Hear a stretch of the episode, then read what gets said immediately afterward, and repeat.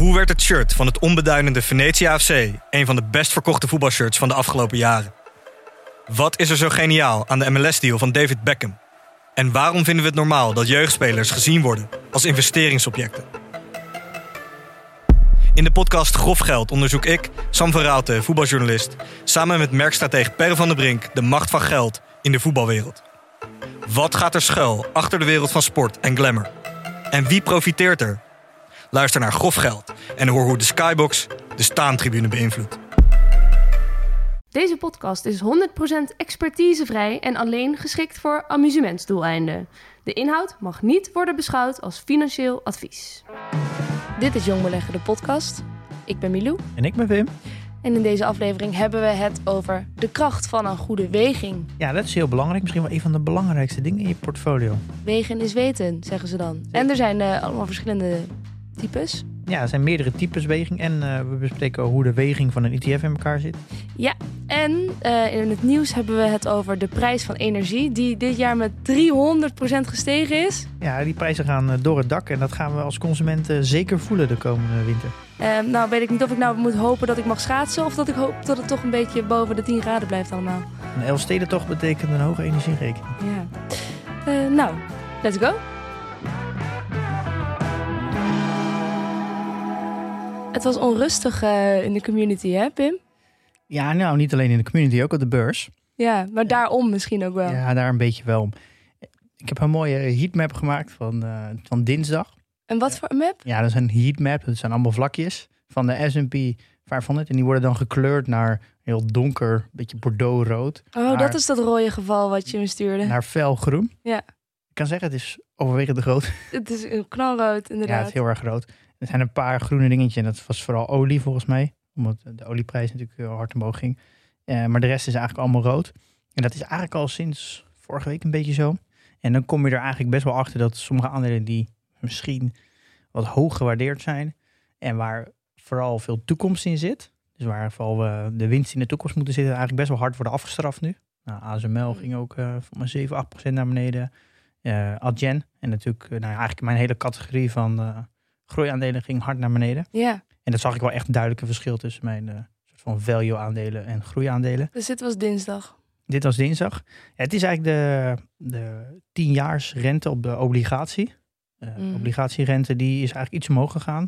Van uh, eigenlijk 1,3 naar 1,5. Dat is eigenlijk een, best wel een klein verschil, 0,2. Maar op, op natuurlijk 1,3 is dat best wel weer een groot percentage. Waardoor eigenlijk om de rente omhoog gaan, dan wordt het natuurlijk minder interessant om, uh, om in groeiaandelen te zitten. Waar Omdat de, er ook weer geld kan verdiend worden met... Uh... Ja, met een ja, soort van je risicovrije voet ja. gaat iets omhoog. waardoor je de meeste mensen waarderen aandelen toekomstige winst door te disconteren naar het nu. Dus winsten in de toekomst gemaakt worden naar het nu halen. Mhm. En als de rente dus omhoog gaat, dan ja, uh, wordt eigenlijk de winst in de toekomst minder waard. Dat is eigenlijk een beetje wat er gebeurt. En daardoor ja, gaan eigenlijk al die aandelen hard naar beneden. Dus om die gedachtegang. Er zijn ja. mensen die die gedachtegang met die reden een beetje geld uit hun aandelen halen. Ja, omdat eigenlijk de winsten in de toekomst worden minder waard. Ja. Uh, en daardoor gaan mensen minder betalen voor die winst in de toekomst. En dan gaan dus die aandelen naar beneden. En daar merk je ook wel dat vooral groeiaandelen die eigenlijk staan voor winsten die vooral in de toekomst liggen, eh, dat die altijd wat meer bewegen. Die zijn gevoeliger voor rente. Oké, okay, dus als je het zo zegt, dan klinkt het niet alsof er daadwerkelijk ook echt een reden is voor paniek. Of een, een reden dat die uh, beurzen in het rood staan. Nou ja, reden. Ja, er is wel een hele duidelijke reden.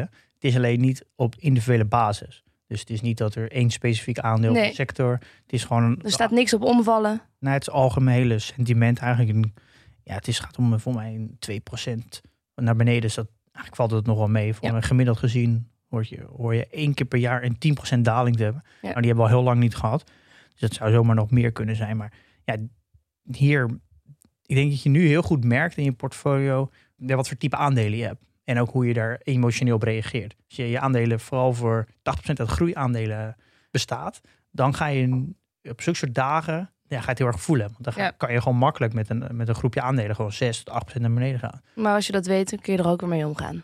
Ja, maar het kan zijn dat je er nu achter komt dat je denkt, ja, dit trek ik niet. Hoe voelde jij je Nou ja, ik, voor, deze mij is, dinsdag? voor mij is het oké. Ongeveer een derde van mijn portefeuille is groeiaandelen.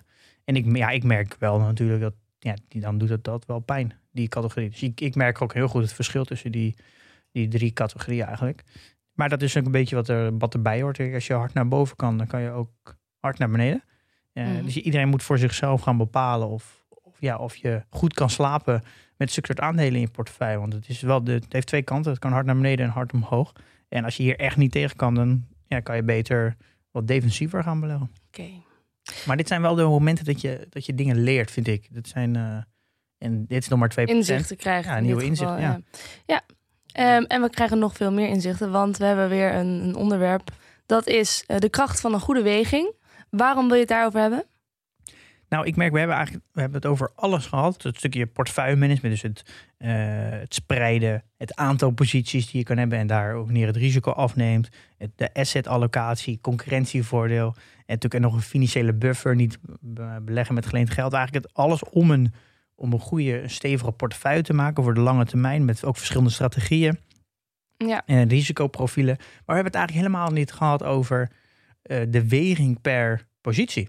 Nou wel, wel, je hebt het wel eens een paar keer genoemd. En je hebt ook wel eens laten weten dat het belangrijk is. Ja, Ehm, ik heb namelijk inderdaad, ik, op. ik heb het een paar keer, ik heb het één keer benoemd aan de hand van de podcast die ik had gehoord. Ja. Eh, en ik heb het eigenlijk een beetje overgenomen van Dennis, die doet 20 eh, posities met 5%. Eh, maar ik wilde daar eigenlijk wat meer over weten, van hoe ga ik daar nu mee om? Want ik zit daar nu eigenlijk met die uitdaging van, ga ik nou constant alles op 5% houden? Of ja, als een winnaar heel goed gaat en ik wil daarbij komen, dan ga ik natuurlijk ruim over de 5% mee. Ja, want 5% klinkt ergens ook wel weer een beetje arbitrair. Terwijl elk bedrijf natuurlijk verschillend is. Ja, ja exact. Dus ik, ik wilde daar wat meer over weten. Dus ik Ja. dacht, nou, zijn daar studies naar gedaan? Is daar wetenschappelijk onderzoek naar? Hoe ga je daarmee om? En ik merk, eigenlijk, ja, in mijn zoektocht merk ik dat er eigenlijk nooit over gesproken wordt. Er is bijna niks te vinden over hoe ga je nou om met de weging. Dus misschien is het wel niet zo belangrijk.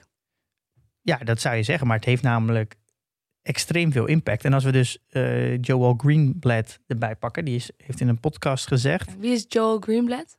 en die is auteur van twee verschillende boeken, eh, You Can Be a Stock Market Genius Hmm. En eh The Little Book That Still Beats the Market. Dat zijn eigenlijk twee best wel bekende boeken. En hij, is, hij heeft heel veel verschillende grote beleggers geïnterviewd en verwerkt in zijn boek. Mhm. Maar hij heeft in een podcast van Farmer Street, maar ongeveer vier minuten duurt dat stukje, heeft het gehad over positioning size. Ja. En eh, hij heeft daar, zegt daar best wel interessante dingen over. En hij zegt, een van de allerbelangrijkste dingen in beleggen is je positiegrootte. Eh, als je eenmaal het bedrijf, natuurlijk als je eenmaal de basisregels hebt, zoals goede spreiding en, en, eh, en bedrijf met een moot. Daarna zegt daarna is eigenlijk, als je eenmaal dat hebt gedaan, het allerbelangrijkste is de grootte van je positie. Hij zegt, als je een positie hebt van 2% en het bedrijf gaat met 100% omhoog, of gaat bijvoorbeeld met een paar keer over de kop, heeft het eigenlijk bijna geen impact op je totaalrendement, omdat het maar 2% was. Dus dan is eigenlijk gezegd, je grootste fout is dan eigenlijk je allocatie geweest in dat bedrijf. Je hebt een te kleine positie. Ja, en dan heeft het dus bijna geen effect. Eh, hij zegt, Ja. eh, it don't move the needle, zegt hij dan. Zij zegt, het is eigenlijk een gigantische fout geweest dat je het maar 2% hebt gemaakt. En Dat had eigenlijk 10% geweest moeten zijn, of misschien al 20. Want dan had het een gigantisch effect gehad. Dan had het eigenlijk je, je totaal ron- rendement extreem beïnvloed op een positieve manier. Ja. Dus hij zegt eigenlijk de, de allocatie, hoe, hoe, dus als je alles gedaan hebt om een, uiteindelijk om een besluit dat je, dat je het in je portefeuille neemt, dat dan, dan eigenlijk de stap heel belangrijk is. Hoe groot maak je de hond? Het heeft Ja. heel veel effect op je uiteindelijke totaalrendement. En dat is natuurlijk ook andersom zo. Als het heel slecht gaat met een bedrijf, maar dat is 10% van je portefeuille, dan heb je natuurlijk een groter probleem dan wanneer het maar 2% is. Ja, nee, dat klopt. Dat klopt. Maar dat gaat natuurlijk als je heel veel onderzoek naar iets doet en je, en je bent heel enthousiast en je doet er maar 2%, is dat natuurlijk eigenlijk dan, dan een fout. Dat is wel, hij bekijkt het Ja, vanuit, die vanuit dat perspectief.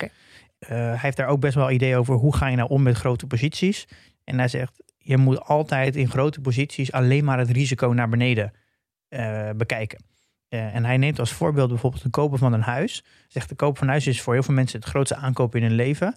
En waarom mensen dat als grootste aankoop durven te doen, is omdat het risico naar beneden op een huis relatief laag is. Zeg dat het risico misschien max 10 is, 20% misschien 30% eh, dat je dat zou kunnen verliezen op dat huis. Omdat het altijd wel een soort van waarde vasthoudt. Ja, omdat je uiteindelijk kunnen, kan er niet meer grond gemaakt worden. En de afschrijving van een huis is vrij laag, vooral in, eh, in Nederland, omdat het goede kwaliteit is. En dus eigenlijk het risico naar Ja. beneden van dat huis is eigenlijk relatief laag. Oké. Eh, Ja. Waardoor je eh, heel makkelijk dat als allergrootste investering in je leven kan doen. Ja. Omdat het risico naar beneden heel laag is. En hij schrijft eigenlijk over de grootte van je positie wordt eigenlijk bepaald wat het risico naar beneden is. Oké. En dat is wel een heel interessante gedachte. Daar komen we straks nog op terug. Want ik heb wel heel veel quotes gevonden over dit onderwerp. En daar, eigenlijk gaat het over de grootte van de positie. Wordt eigenlijk het woord risico gaan eigenlijk hand in hand.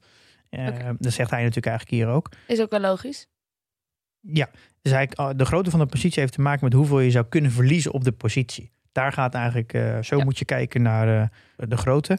En hij heeft het over dat je, hij zoekt altijd naar een soort van asymmetrische payoff. Ook wel een soort van asymmetrische return. Naar boven moet zoveel meer groter zijn dan beneden. Maar ik denk Ja. dat dat een soort van algemeen iets is met beleggen. Maakt Natuurlijk niet, sowieso heel prettig. dat maakt het niet zo uit hoe groot de positie is. Nee, Maar het, het duurt vier minuten, dat stukje. Eh, ik heb het op de website gezet. Als je, als je, de hele aflevering is trouwens heel interessant. Maar als je een klein stukje wil horen, moet je vanaf eh 20 minuten 45. Mhm.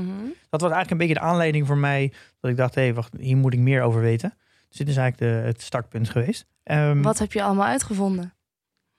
Nou, over misschien om eerst even duidelijk te maken. Wat is nou een positiegrootte? Je hebt dus je, totaal, je totale portefeuille, zegt dat dat 100.000 euro is. Mhm. en je wilt 20 posities, dan heb je, eh, ja, als je de gelijke verdeling doet, dan heb je 5000 per Ja. eh, positie. Dus je doet eigenlijk 5 procent. 5%. Je doet eigenlijk eh, je totale portefeuillewaarde delen door je, je holdingpositie. En dan heb je een percentage, dus voor, eh, voor de duidelijkheid. Dus dat doet- gaat over je totaal belegd vermogen. En dan tel je cash dus ook mee. Cash Ja. is ook een positie. En wat me eigenlijk opviel tijdens het, tijdens het onderzoek... is dat dit eigenlijk positiegrootte... komt eigenlijk een beetje uit het handelen, de daytraden. Daar wordt alleen maar over gesproken. Omdat je natuurlijk als je gaat handelen de hele dag door... Ja. dan is eigenlijk het risicomanagen extreem belangrijk. En als je dus op eh, ja, grootte van je positie zoekt, dan kom je eigenlijk alleen maar eh, artikelen tegenover hoe het handelen. Dus het risico naar beneden beschermen. In ieder geval, eh, het komt heel erg uit de, uit de hoek van het daytraden. En er is dus dus heel weinig te vinden over echt de meer passieve, of de semi-passieve beleggers, dus de meer de buy-and-hold beleggers. Hoe ga je nou om met de juiste positie? Ja. Ehm, helemaal, want er wordt ook heel vaak gezegd, let your winner, winners run. Ja. Ja, als je dat doet, dan kom je op een gegeven moment natuurlijk ook. Hele scheve posities Ja, uit. normaal, als je het lang genoeg niks aan doet, dan worden de posities natuurlijk steeds schever. Ja. Ehm, dus daarom hebben vaak mensen ook weer voor, voor zichzelf regels. Van nou, max 20% of max 10% en dan ga ik hem afromen. En dat, daar, daar wordt eigenlijk heel weinig over gesproken. De ene belegger die zegt weer, nou, ik pak altijd alleen de kostbasis. Dus ik doe max 10% om mee te starten. Dus ik ga nooit een grotere positie nemen om mee te beginnen. Ja. Eh, maar vanaf dat moment ga ik nooit meer afromen en laat ik mijn winnaars lopen. Dus iedereen heeft daar eigenlijk zijn eigen... Ja, precies. Want kijk, als je je winnaars laat lopen, dat is ook op zich wel fijn. Want dan heb je steeds een grotere positie daarvan in je portefeuille. Maar dat is nog steeds een winnaar. Dus dat is oké. Dan toch? Ja, alleen je, de kans is wel gewoon heel groot dat je een, een- als er echt wat, als die positie bijvoorbeeld eh, doet, vijf jaar doet het heel goed en wordt op een gegeven moment eh 40, 50 procent, maar er gebeurt wat in het bedrijf, ja, dan heb je wel een soort van gig- ja, eh, gigantisch verlies, want dan gaat in één keer gewoon 40, 50 procent van je portefeuille, eh, doet het gewoon heel slecht. Ja, dus je vergroot wel natuurlijk ook enorm je risico. Dus daarom zou je het ook weer willen. Ja, dat is dus, eh, Ja. ja, dat heeft weer te maken Dat dan met je eigen risicotolerantie. Daarom zeggen mensen vaak, ik cap het gewoon op 15%, 20%. Eh, en als het daarboven komt, dan ga ik gewoon gedeelte verkopen om gewoon weer mijn risico, Ja. mijn risico niet te groot te maken. Ja. Maar ik kwam met een mooi onderzoek tegen, ook van eh Joe Greenblatt. Maar dat was eigenlijk, kwam ik pas later achter. Mhm. Ehm, en hij heeft een onderzoek gedaan naar vier type indexes. En dat heeft hij eigenlijk zo gedaan dat hij, we hebben natuurlijk de traditionele index. En dat is de, de market cap weighted index. En dat is dus de S&P en ook in een, in een, bepaalde vorm ook de AEX. Wat dat houdt Ja. eigenlijk in, die wordt samengesteld aan de hand van de market cap. Ja, Dus als het- wat hun beurswaarde is. Ja, dus De, de marktkapitalisatie. Nou, Apple is op dit moment het grootst. het grootste bedrijf in de wereld. Dus die heeft ook de zwaarste weging van die 500 bedrijven. ja. Werkt de AX niet ook zo? werkt ook zo, maar daar zitten ze, hebben ze iets meer regels aan toegevoegd dat er dus wel een cap is, dus een, een max 15%. Nou, bijvoorbeeld ASML is van 15 gegroeid naar 20 en die is dan vorige week weer afgeschaald naar, Ja. naar 15. En daar kijken ze ook een soort van naar de free float. Zoveel vrij verhandelbare aandelen zijn er. Het is wel ongeveer op marktkapitalisatie, maar er zitten nog wel wat regels aan vast. Dus Ja. Daarom is het on- ongeveer. Eh, maar in de grote lijn is het wel hetzelfde. Grote bedrijven Ja. hebben een grotere weging dan kleinere bedrijven. En eh, hij zegt daar wat heel interessants. En zo had ik er eigenlijk nooit naar gekeken. De index is dus samengesteld voor een groot gedeelte op sentiment. En dat vond ik dus wel een hele interessante gedachte. Nee, op beurswaarde. Ja, maar de beurswaarde heet, is weer één op één gerelateerd aan de koers. Want als, ja. de, als de koers omhoog gaat, beurswaarde omhoog. Ja, En de Tuurlijk, koers is ja. sentiment. Ja. Dus de samenstelling van de index is zit dus heel veel sentiment in. En in, we weten met, nu met beleggen dat ehm, we hebben gewoon een gemiddelde lijn. Wat het bedrijf waard is. Elke bedrijf heeft een soort van gemiddelde lijn. Maar de koers die gaat eh de onder en de boven. Die gaat een soort van de golfbeweging. Dus er zijn aandelen die waar een heel negatief sentiment in zit. Waar iedereen denkt, nou dit, is, dit komt nooit meer goed. Wordt altijd overdreven naar beneden. En er zijn aandelen die, waar mensen denken, nou dit, eh, go to the moon. En zwaar overdreven, dat valt altijd wel weer mee. Dus het, er zit dat sentiment twee kanten op. dus het levelt elkaar. Het is een soort risicospreiding. Ja, dat is aan de ene kant Ja. heel. eh, het he- het is een hele makkelijke manier om zo'n index samen te stellen. Want ja, market cap is gewoon, heel, is gewoon een getal. Ja. Die tel je maar elkaar op en dan heb je een percentage. Dus het is heel goedkoop en makkelijk om daar een index voor samen te stellen. Maar het is, het is eigenlijk voor de samenstelling is wel voor een groot gedeelte, of nou, voor een gedeelte gebaseerd op sentiment. En wat vind jij daar dan van? Nou, daar had ik eigenlijk nooit naar gekeken. Is eigenlijk en sentiment, daar zit natuurlijk, dat is een soort van marge als belegger die niet in de index zit om daarvan te profiteren. Want als jij het sentiment aanvoelt en daar juist constant van weg blijft, kan je natuurlijk eigenlijk best wel makkelijker beter doen dan een index.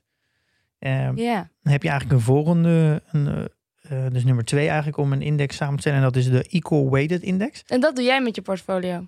Mm, soort Of Dennis, 5%. Elke ja, ik doe dat nu ook een 5%. soort van. Ik merk dat het best lastig is, omdat ik doe dat niet een soort van herweging. En Ja. het idee van deze index is dat je dus die 500 bedrijven hebt. Nou, die doe je gewoon allemaal hetzelfde weging. En die ga je gewoon per maand, per kwartaal ga je dat gewoon herbalanceren. Dus als een aandeel harder omhoog gaat, niet altijd, maar een gedeelte gedreven door sentiment. Kan natuurlijk ook wel gesteund zijn door goede cijfers, maar kan ook Mhm. sentiment zijn. En ook naar onder. Eh, Die ga je op dit moment weer gelijk trekken. Ja. Nog steeds niet helemaal perfect, maar je haalt wel een beetje de systematische fout eruit die erin zit in het, eh, als het gaat om sentiment. En hij heeft een onderzoek gedaan van 1990 tot en met 2010. En daar laat zien dat het eh, de Equal Weighted Index gemiddeld met 2% per jaar beter performt. Oh, wow. Door deze automatische Door dat herbalancering. sentiment er een beetje uit te halen dus. Ja, en 2% denk je, nou dat is natuurlijk niet zoveel. En Maar als je 2% over die periode van 20 jaar doet, dat is natuurlijk nou wel een substantieel verschil.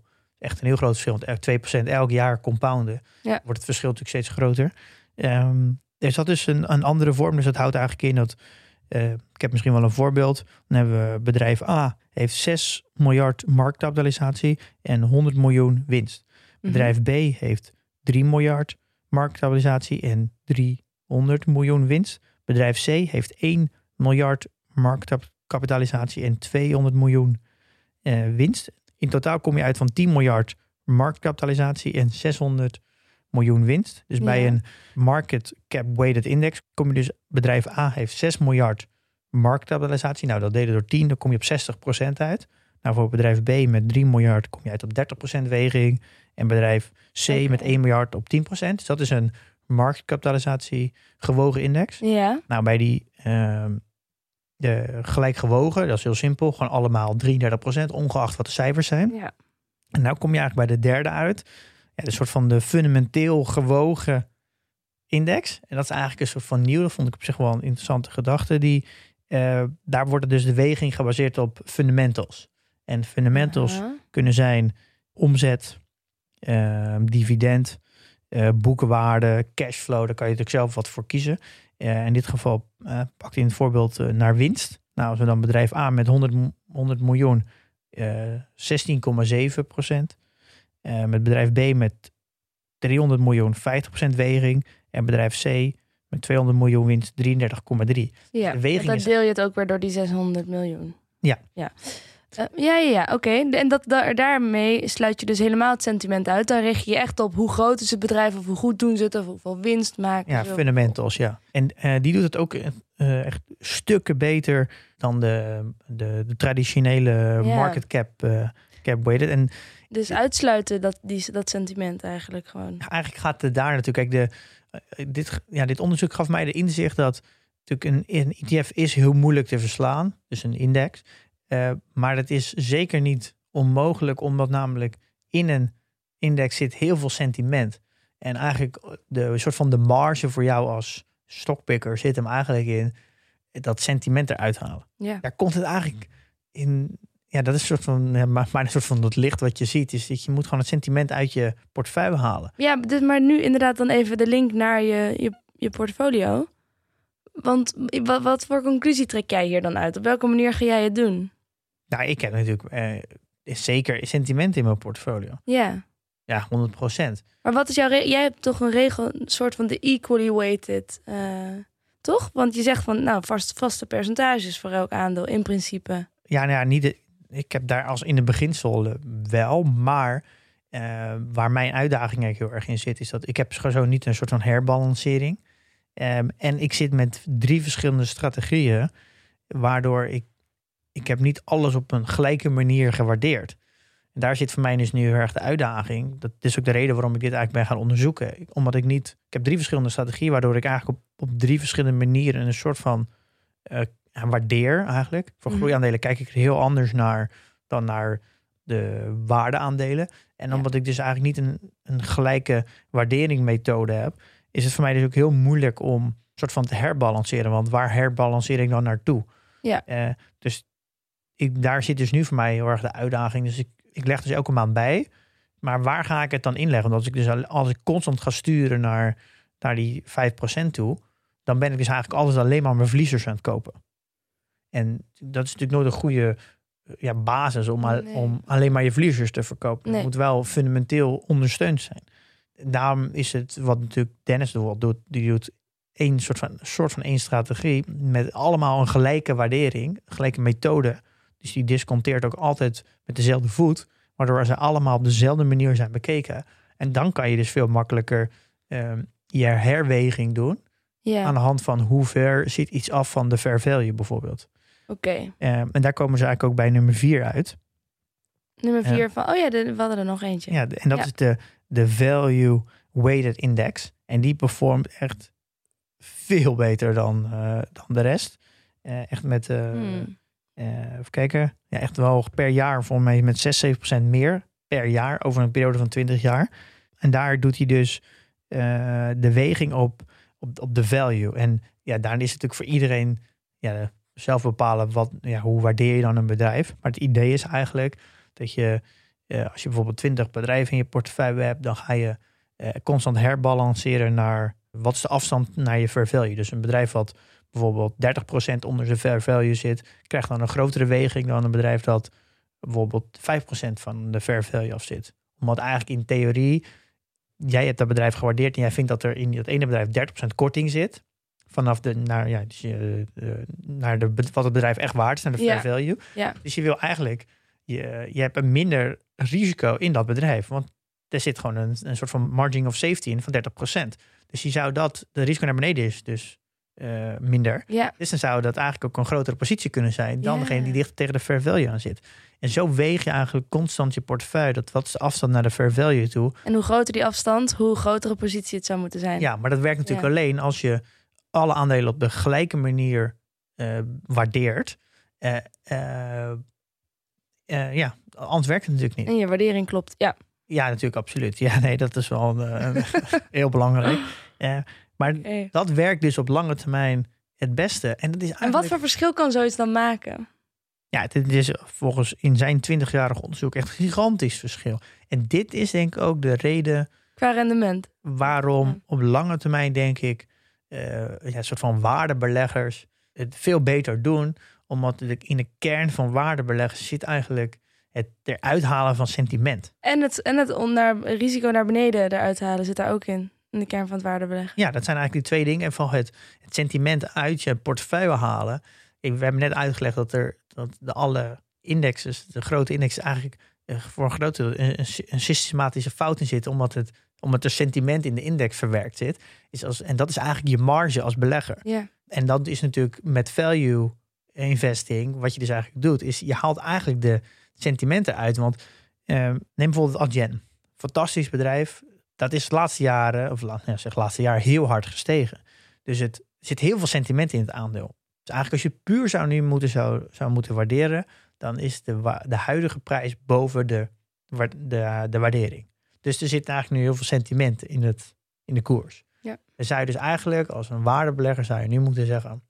Het is een prachtig bedrijf, alles klopt helemaal, maar het is te duur. Ja. En dan moet het eruit. Eh, en dan mm, ja, kan het misschien later weer terugkomen als, het, eh, als de, de winsten hard stijgen en de koers blijft op liggen of de koers zakt wat. Dan kan het er bijvoorbeeld weer ingaan. Maar het is heel belangrijk dat je dus je emotie eruit haalt. En dan altijd stuurt op de, de, marge eigenlijk eh, tussen je fair value en, eh, Ja. en, de koers. Wat is nou jouw conclusie voor jouw portfolio? Waar ga, wat ga jij doen? Nou, ik kom eigenlijk toch wel echt wel tot de conclusie dat zonder echt waarderen heb je eigenlijk echt wel een probleem. Want Ja. dan kom je eigenlijk constant voor uitdagingen te staan van wanneer verkoop ik een aandeel nou? Eh, wanneer ga ik afromen? Wanneer ga ik bijkopen? Eh, hoe verhoudt een positie met een andere positie? En dat zijn de constant vragen die je eigenlijk altijd gaat hebben. En ja, die zijn gewoon heel moeilijk te beantwoorden voor jezelf. Want je hebt eigenlijk geen, geen soort van referentiepunt waar je dat op gaat baseren. Mhm. Dat is eigenlijk ook een beetje de uitdaging waar ik nu zit. Ik leg elke maand bij. Nou, dat is ongeveer zo'n anderhalf procent van mijn portefeuille, 2% elke maand. Maar waar ga ik dat nou instoppen? Ik heb nu 20 bedrijven. Dat is iets waar ik al heel lang naartoe werk. En daar zit ik nu. En nu denk ik, ja, waar, wat ga ik nu deze maand bijkopen? En ben ik aan het kijken en denk, ja, ik, eh, ik vind toch wel het risicoprofiel van eh, Google en eh, Facebook op dit moment het meest gunstig. Eh, qua toekomst, muziek en qua qua prijs die je er nog voor, voor betaalt. Dus het Mhm. risico naar beneden is, vind ik vrij laag voor de, de potentiële upside. Ja, en als ik dat daar dus nu mijn geld stop, dan worden die posities wel een stukje groter dan de andere. Want een bepaalde posities, zoals wel de, de Chinese aandelen, die zijn flink naar beneden gegaan. Dus dan het hele idee van alles 5% is dan, laat ik dan weer steeds meer los. Ja, Omdat sommige aandelen gaan hard naar beneden naar 3,5%. En dan ga ik bijkopen aan aandelen die nog beter gaan. ja, Dus dan wijk ik weer af van die gemiddeld 5%. En ja. ik heb, ik heb eigenlijk een soort van vast referentiepunt nodig om, om constant waar naartoe te herbalanceren of bij te kopen. En dat heb ik natuurlijk niet echt, omdat ik niet alles op een gelijke manier waardeer. Ja. Eh, en daar kom ik nu wel een beetje achter. En ik begrijp nu ook nog veel beter waarom eh, ja, value investors over een hele lange periode van, eh, van 20 jaar het veel beter doen. Eh, omdat zij proberen eigenlijk constant het sentiment uit, uit hun portefeuille te halen. En wat betekent dit voor beleggers als ik? ETF-beleggers? Ehm, Want het- voor mij is waarderen natuurlijk minder belangrijk. nou ja, voor jou betekent het eigenlijk niks. Eh, Maar ik heb ook een weging. Ik heb drie verschillende ETF's. Die moet ik ook wegen. Nou ja, je kan wel gewoon herbalanceren. Dat is Ja. natuurlijk een. eh, eh, sowieso herbalanceren, we hebben het natuurlijk al eens eerder over gehad. Dat kan je op zich, vooral denk ik op zulke soort S, grote assetklasses of misschien op grote ETF's, best wel een voordeel opleveren als je dat af en toe doet. Nu bijvoorbeeld China. Ja. Die doet het natuurlijk nu heel slecht. Ja. In je portefeuille met drie ETF's is zou dus eigenlijk China kleiner zijn geworden en de S&P groter. Ja. Ik weet niet wat die andere eh, heeft gedaan. Maar dan, als jij dus had afgesproken, ik wil 20% in China, dan zal dat nu misschien naar 15 of 10% zijn gezakt. Dan zou je dus eigenlijk dat nu moeten weer terug moeten brengen Naar- naar 20. en dat betekent dat ik in de uitverkoop mag kopen. Dat betekent eigenlijk inderdaad dat jij relatief gezien aan de S&P goedkoper Ja. de China-ETF koopt. Ja. En als je dat natuurlijk regelmatig doet, dan ben je eigenlijk elke keer als, als een ETF hard zijn- harder is opgelopen, eh, ja, ben je dat een beetje aan het of verkopen of je bent daar minder geld aan het, aan het ontstoppen Ja. als het hoog is. En dat kan bijvoorbeeld werken als je iets meer thema-ETF's hebt.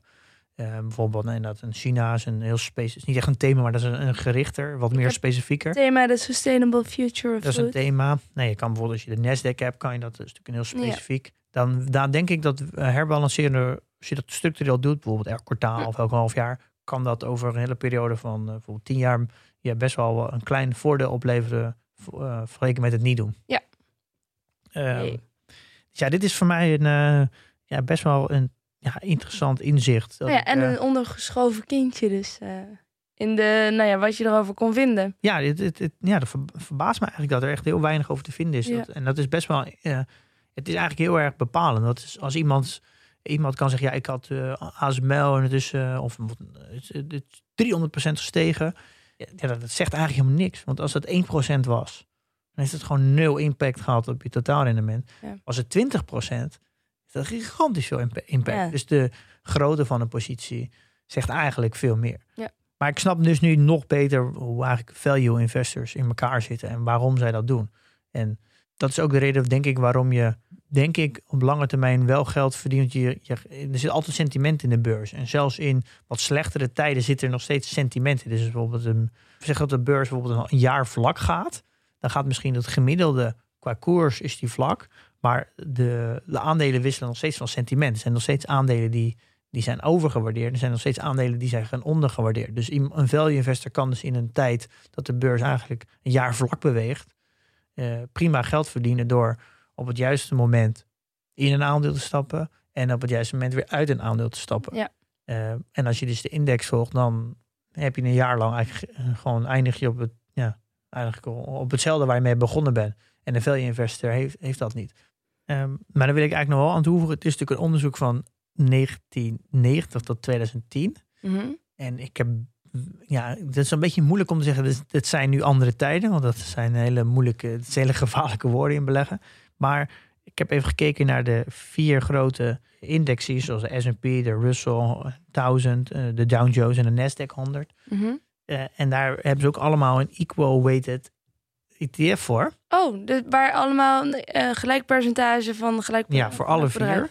En die doen het eigenlijk alle vier in, van de afgelopen vijf jaar slechter dan de, De equal weight. ja, dan de marktkapitalisatie. Dus Hmm. Dit- dat is wel even om een, even een tegengeluid te geven. Ja, Ehm, dat is van de afgelopen vijf jaar. Maar als je de afgelopen jaar weer kijkt, doen ze het eigenlijk alle, alle vier weer beter. Eh, dus het is uiteindelijk ook wel een beetje welke tijdsperiode je pakt. Ehm, Hm. maar dat betekent dus dat de S&P 500, alle 500 bedrijven die daarin zitten, zijn allemaal voor hetzelfde percentage zitten ze erin. Ja, dus het, je kan daar naar kijken. Ik heb ook de link op van naar alle vier op de website. Dan kan je zien hoe ze daarmee omgaan. Hm. Ehm, dus dat wil niet zeggen dat het eh, die 2% verschil tussen equal weighted en eh, market cap. eh, dat was dan in zijn onderzoek zo. Maar dat wil dus niet zeggen dat dat in de toekomst dus ook zo is. Ja, Dus dat is nog wel even een. dat is altijd met data uit het verleden. Dus geen garantie voor de toekomst. Maar het idee volgens mij van dat je het gebaseerd op fundamentals of eigenlijk op value. Een value weighted index. Die is eigenlijk best logisch. ja het is wel logisch inderdaad. Je wil eigenlijk iets wat het goedkoopst is, waar de meeste upside in zit. En de, en de laagste risico wil je het grootste positie. Dat Ja. is natuurlijk eigenlijk. eh, Dat ja. is het hele beleggen. Ja, dus ook. dat is eigenlijk vrij logisch dat dat een beter rendement is. En nu is het natuurlijk de uitdaging om dit structureel te doen, goed te waarderen, sterk bedrijf te vinden en emotie uit je portefeuille te houden. Ja. Eh, en er zijn ook nog wel een paar mooie quotes. Eh, ik weet niet eh, of jij er misschien een eh, mooie uitvindt die je even wil voorlezen. Ja, dus, dus je hebt toch een hoop ehm, eh, op de site ook gezet. Zal ik er even eentje doen? Ja, we doen er even eentje. Ja. Fijne quote van Christopher Bloomstrand. Hij zegt... The more capital we are willing to commit to a single position should reflect our confidence in the safety of the position and the existence of an outsized expected return. Wauw. Ja, heb je mooi voorgelezen. Ja, weer, het gaat over het risico. Hè? Ik heb er best wel Ja. veel quotes. Het gaat eigenlijk allemaal naar het risico naar beneden. Ja. Eh, en ik vind nog wel een mooie die, eh, dat is misschien in deze dagen misschien wel interessant. Eh, if you wake up thinking about your position, it is too big. Kijk, als je er wakker van ligt, Ja, dan, stel hem dan even bij. ja, dan moet je hem. daarom denk ik ook wel dat als je, vooral als je nog een beetje beginnende belegger, nog zoekende bent, dat je best wel jezelf moet disciplineren om niet te grote posities te nemen. Omdat je als beginnende belegger altijd ergens een fout kan maken, daarnaast kan zitten. Denk je daar altijd voor moet behoeven, dat je altijd een vorm van nederigheid moet houden, dat je toch dingen niet weet. Ja, ja. En eh, ja, slaap is gewoon heel belangrijk. Onderschat dat niet, eh, lieve jonge beleggers. Het eh, misschien wat het allerbelangrijkste. Gaan we naar de PDT-update. Is er nog nieuws? Ehm, nou, niet, ik wil even niet zozeer nieuws over PDT delen. Er komt trouwens binnenkort eh, heel mooi nieuws aan. Maar voor nu wil ik het eigenlijk even over de community hebben. Ah, Eh, dus eigenlijk, daar hebben we het eigenlijk nooit over. Wat, Nee. wat, wat daar eigenlijk allemaal in afspeelt. En ik wil eigenlijk wel wat delen dat er... En we hebben ongeveer zes maanden geleden een ja, soort van onderdeel gemaakt. En dat heet bedrijfsanalyses. En daar kunnen dus eh, alle vrienden zelfgemaakte bedrijfsanalyses delen. En er zijn er nu ongeveer 65 gedeeld.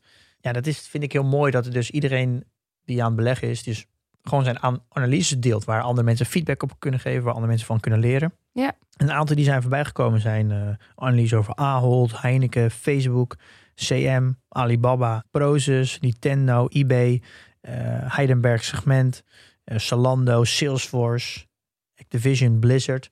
Nou, op de website staan ook de namen wie dat heeft gedeeld. Dat is een beetje te veel om allemaal op te noemen. Maar er worden heel veel bedrijfsanalyses gedeeld. Dus het geeft ook heel veel eh, ja, ja, inzicht in hoe anderen denken. En ik denk dat je er ook heel erg van kan leren. Van hoe, hoe doe ik nou een goede bedrijfsanalyse? Nou, ga ze allemaal doorlezen. En eh, je leert een hoop van hoe je dat zelf kan doen. Geef, geven mensen ook feedback op elkaar? Ja, daar wordt ook heel veel eh, feedback gedeeld. Als je een bedrijfsanalyse deelt, de kans is heel groot dat iemand al in de community dat bedrijf heeft. Oh, dus al onderzocht heeft. Dus die gaat er vaak op reageren of die, die eh, deelt extra informatie. Dus het is eh, eigenlijk alle bedrijfsanalyses, daar worden wel flink, eh, ja, er zitten wel flink wat comments in. Hm. Dus ook, ja, ook al heb je dat zelf nog nooit gedaan, ja, kan je wel gewoon even 65 bedrijfsanalyses lezen, waardoor je zelf ook een heel stuk beter wordt. En als je nou nog geen vriend van de show bent, dan moet je dus wel eerst even vriend van de show worden. Ja. Zoals alle nieuwe vrienden van de show die wij ook deze week weer erbij hebben gekregen. Dank daarvoor. Nou, zeker. Heel, eh, heel fijn dat jullie allemaal weer vriend zijn. Je kan je trouwens ook direct aanmelden bij portfoliodividendtracker.com. Is eigenlijk het, eh, hetzelfde effect. En dan mag je ook de community Dan in. mag je ook de community in. Ja.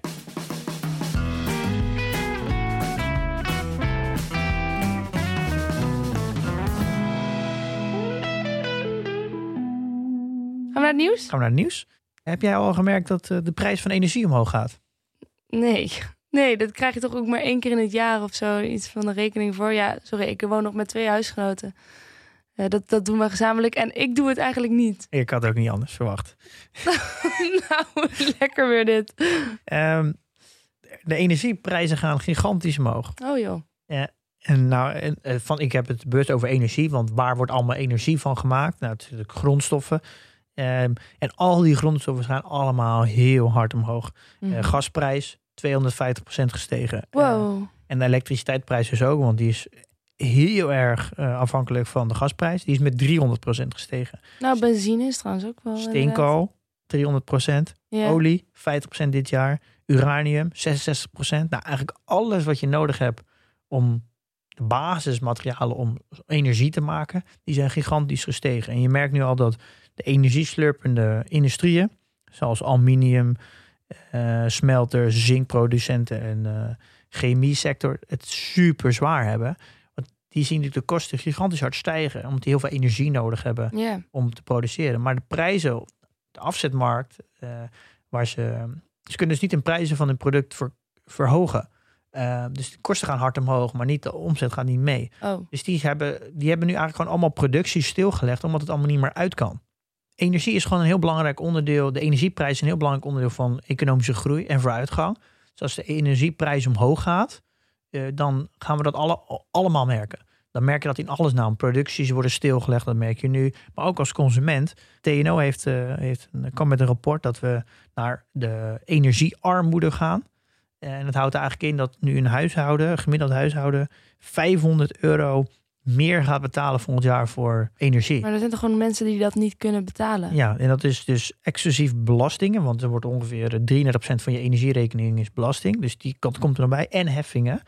Eh, dus eh, daar is ook de waarschuwing nu voor dat er gewoon een hele grote groep mensen dus nu gewoon eh, in de problemen gaan komen omdat ze hun energierekening straks niet meer kunnen betalen. En, Waarom zijn die prijzen dan zo Ja, dus, dus, tegen? ja, dus dat is natuurlijk een, eh, een interessante vraag. Eh dat komt eigenlijk vooral omdat we in Europa eigenlijk heel veel kerncentrales en eh, bruinkool en kolencentrales eigenlijk hebben stilgelegd. Eigenlijk hebben gestopt, gesloten. Eh, we hebben het gas in Groningen gestopt. Eh, en we zijn dus nu voor maar voor 45% afhankelijk van het stro of de gas uit Rusland. Eh, en, alle, en die knijpen een beetje dicht, omdat de, de Nord Stream 2 eh, heel veel problemen hebben met Europa. Dat is die nieuwe pijpleiding. Ja, dat is een nieuwe pijpleiding. En dat moet, nu- komt het dus via eh, de pijpleiding 1 naar binnen via Oekraïne. Maar ze, ze houden dat een beetje af. En Oké. elke keer worden de reserves al een jaar lang zakken steeds verder, de gasreserves.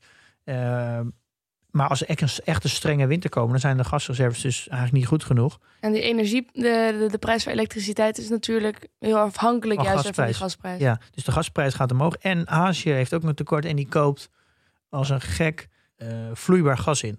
En die betaalt veel meer dan, dan wij eh, Europeanen. Waardoor Ja. eigenlijk bijna al het gas wat gewonnen wordt, gaat eigenlijk naar Azië toe. Eh, waardoor wij eigenlijk de reserves ook niet kunnen aanvullen. Dus Dat is gewoon een, een heel groot probleem. Je merkt dus nu heel veel energieleveranciers. Die gaan allemaal failliet. Omdat die namelijk eh, energie, ja, die maken prijsafspraken met consumenten voor een vaste prijs vaak. Een jaar vaak of twee jaar. Die kan je dus je energieprijs vastzetten. Ehm, maar ja, die moeten dus nu leveren. Omdat de energieprijs staat vast. Maar die moeten dus een keer heel hoog inkopen. En die in hun beleid hebben ze vaak maar dat ze een maand lang eh, de energie van tevoren inkopen. Dus nu veel meer moeten betalen. Maar wel de energie moeten leveren voor de, voor de, volgens het contract. En dat niet kunnen betalen, gaan ze failliet. Dus je merkt nu echt een golf aan energiebedrijven die failliet gaan. Ja, oké. Dus we zitten nu wel een beetje met het dilemma. Kijk, we willen natuurlijk deze winter allemaal weer schaatsen. En die Elfstedentocht rijden. Hè? Maar ik, tegelijkertijd hoop ik nu ook een beetje op een milde winter. Want dat scheelt weer. Nou, als wij de Elfsteden toch kunnen schaatsen, dan voelen wij dat allemaal in onze portemonnee. Ja. Maar ja, dit, je merkt wel dat dit is wel een. eh, dit, heeft, dit zit ook heel erg ja, verweven in de energietransitie, deze, dit natuurlijk. Want dit eh, gaat aan alle kanten gaat dit natuurlijk de boel aan de ene kant versnellen, maar aan de andere kant weer vertragen. Dat gaat in ieder geval een effect hebben. En wat voor effect weet ik niet precies. Nou, misschien gaan mensen ook wel wat zuiniger met energie doen. Nou, het is wel goed om, eh, om als je wil isoleren en je wil je, dus je rendement op zonnepanelen en isolatie, die gaat wel, die kan je wel een een paar jaar naar voren halen voordat Ja. je break-even bent. Want ja, als je meer gaat betalen voor stroom en gas en ja, voor energie dus, en je kan dat verlagen, dan win je natuurlijk sneller, Ja. dan win je sneller terug. Daar zit natuurlijk wel het voordeel. Ehm, nou ik denk dat het vooral voor, eh, voor Shell en zo, dat dit eh, best wel goede jaren gaan worden. De olieprijs gaat omhoog. Dat is een derde van de omzet. Een derde is gas. Nou, de gasprijs gaat omhoog. En ze kunnen ook eh, voor best wel een goedkope prijs straks energieleveranciers overnemen die omvallen. Ehm, dus als je een goede hedge voor je energieprijs wil in, in je huis, ja, dan zou je misschien eh, Dus in Shell investeren. aan deze Shell moeten hebben. Maar dit gaat nog wel een groot effect hebben, denk ik, in Europa de komende, denk de komende half jaar. eh, gaat dit echt eh, wel effect. Ik denk ook dat we politiek gezien misschien best wel wat dingen gaan veranderen. Dat er bijvoorbeeld toch wel meer nagedacht wordt over kerncentrales. Misschien wordt Groningen toch wel weer aangezet. Dit gaat echt wel dingen veranderen. Want we worden nu heel afhankelijk van Ja. Rusland en de prijs gaat gigantisch omhoog. Dus de vraag is een beetje Oh, oh, oh, oh. hoe, hoe ja, als we dan binnenlands kijken, hoe eh, Moeten we daar niet een keer een, eh, eh, special over maken? over energie. Over de energiemarkt. Best Ja, zeker, markt. zeker. Ja. Ik, ben, ik heb wel iemand op het oog om Oh. uit te nodigen.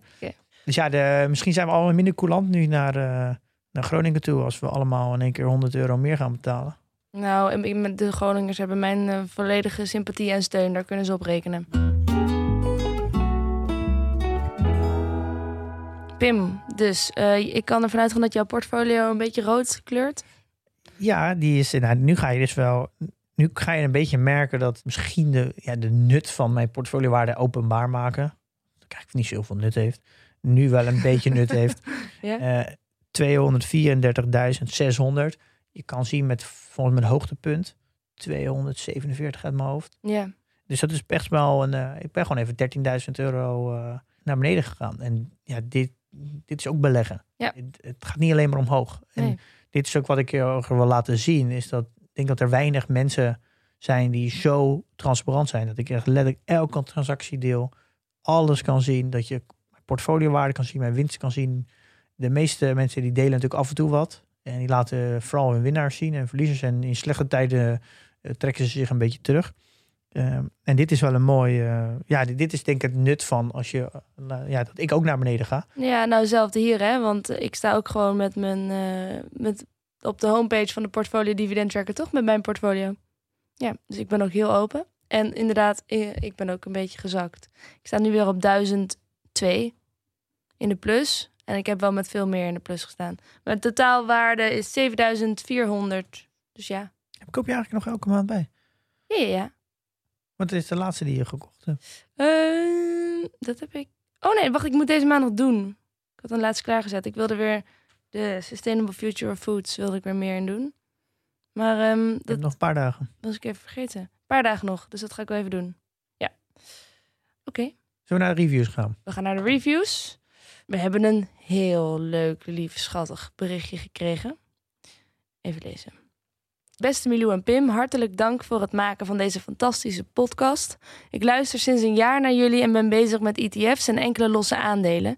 En mijn vriend is na mijn aandringen nu ook ontzettend enthousiast geworden. Omdat wij het afgelopen jaar beide met zoveel plezier uren naar jullie hebben geluisterd, hebben wij ontzettend positieve associaties met de naam Pim gekregen. Vandaar dat wij onze zoon, die 4 september geboren is, Pim hebben genoemd.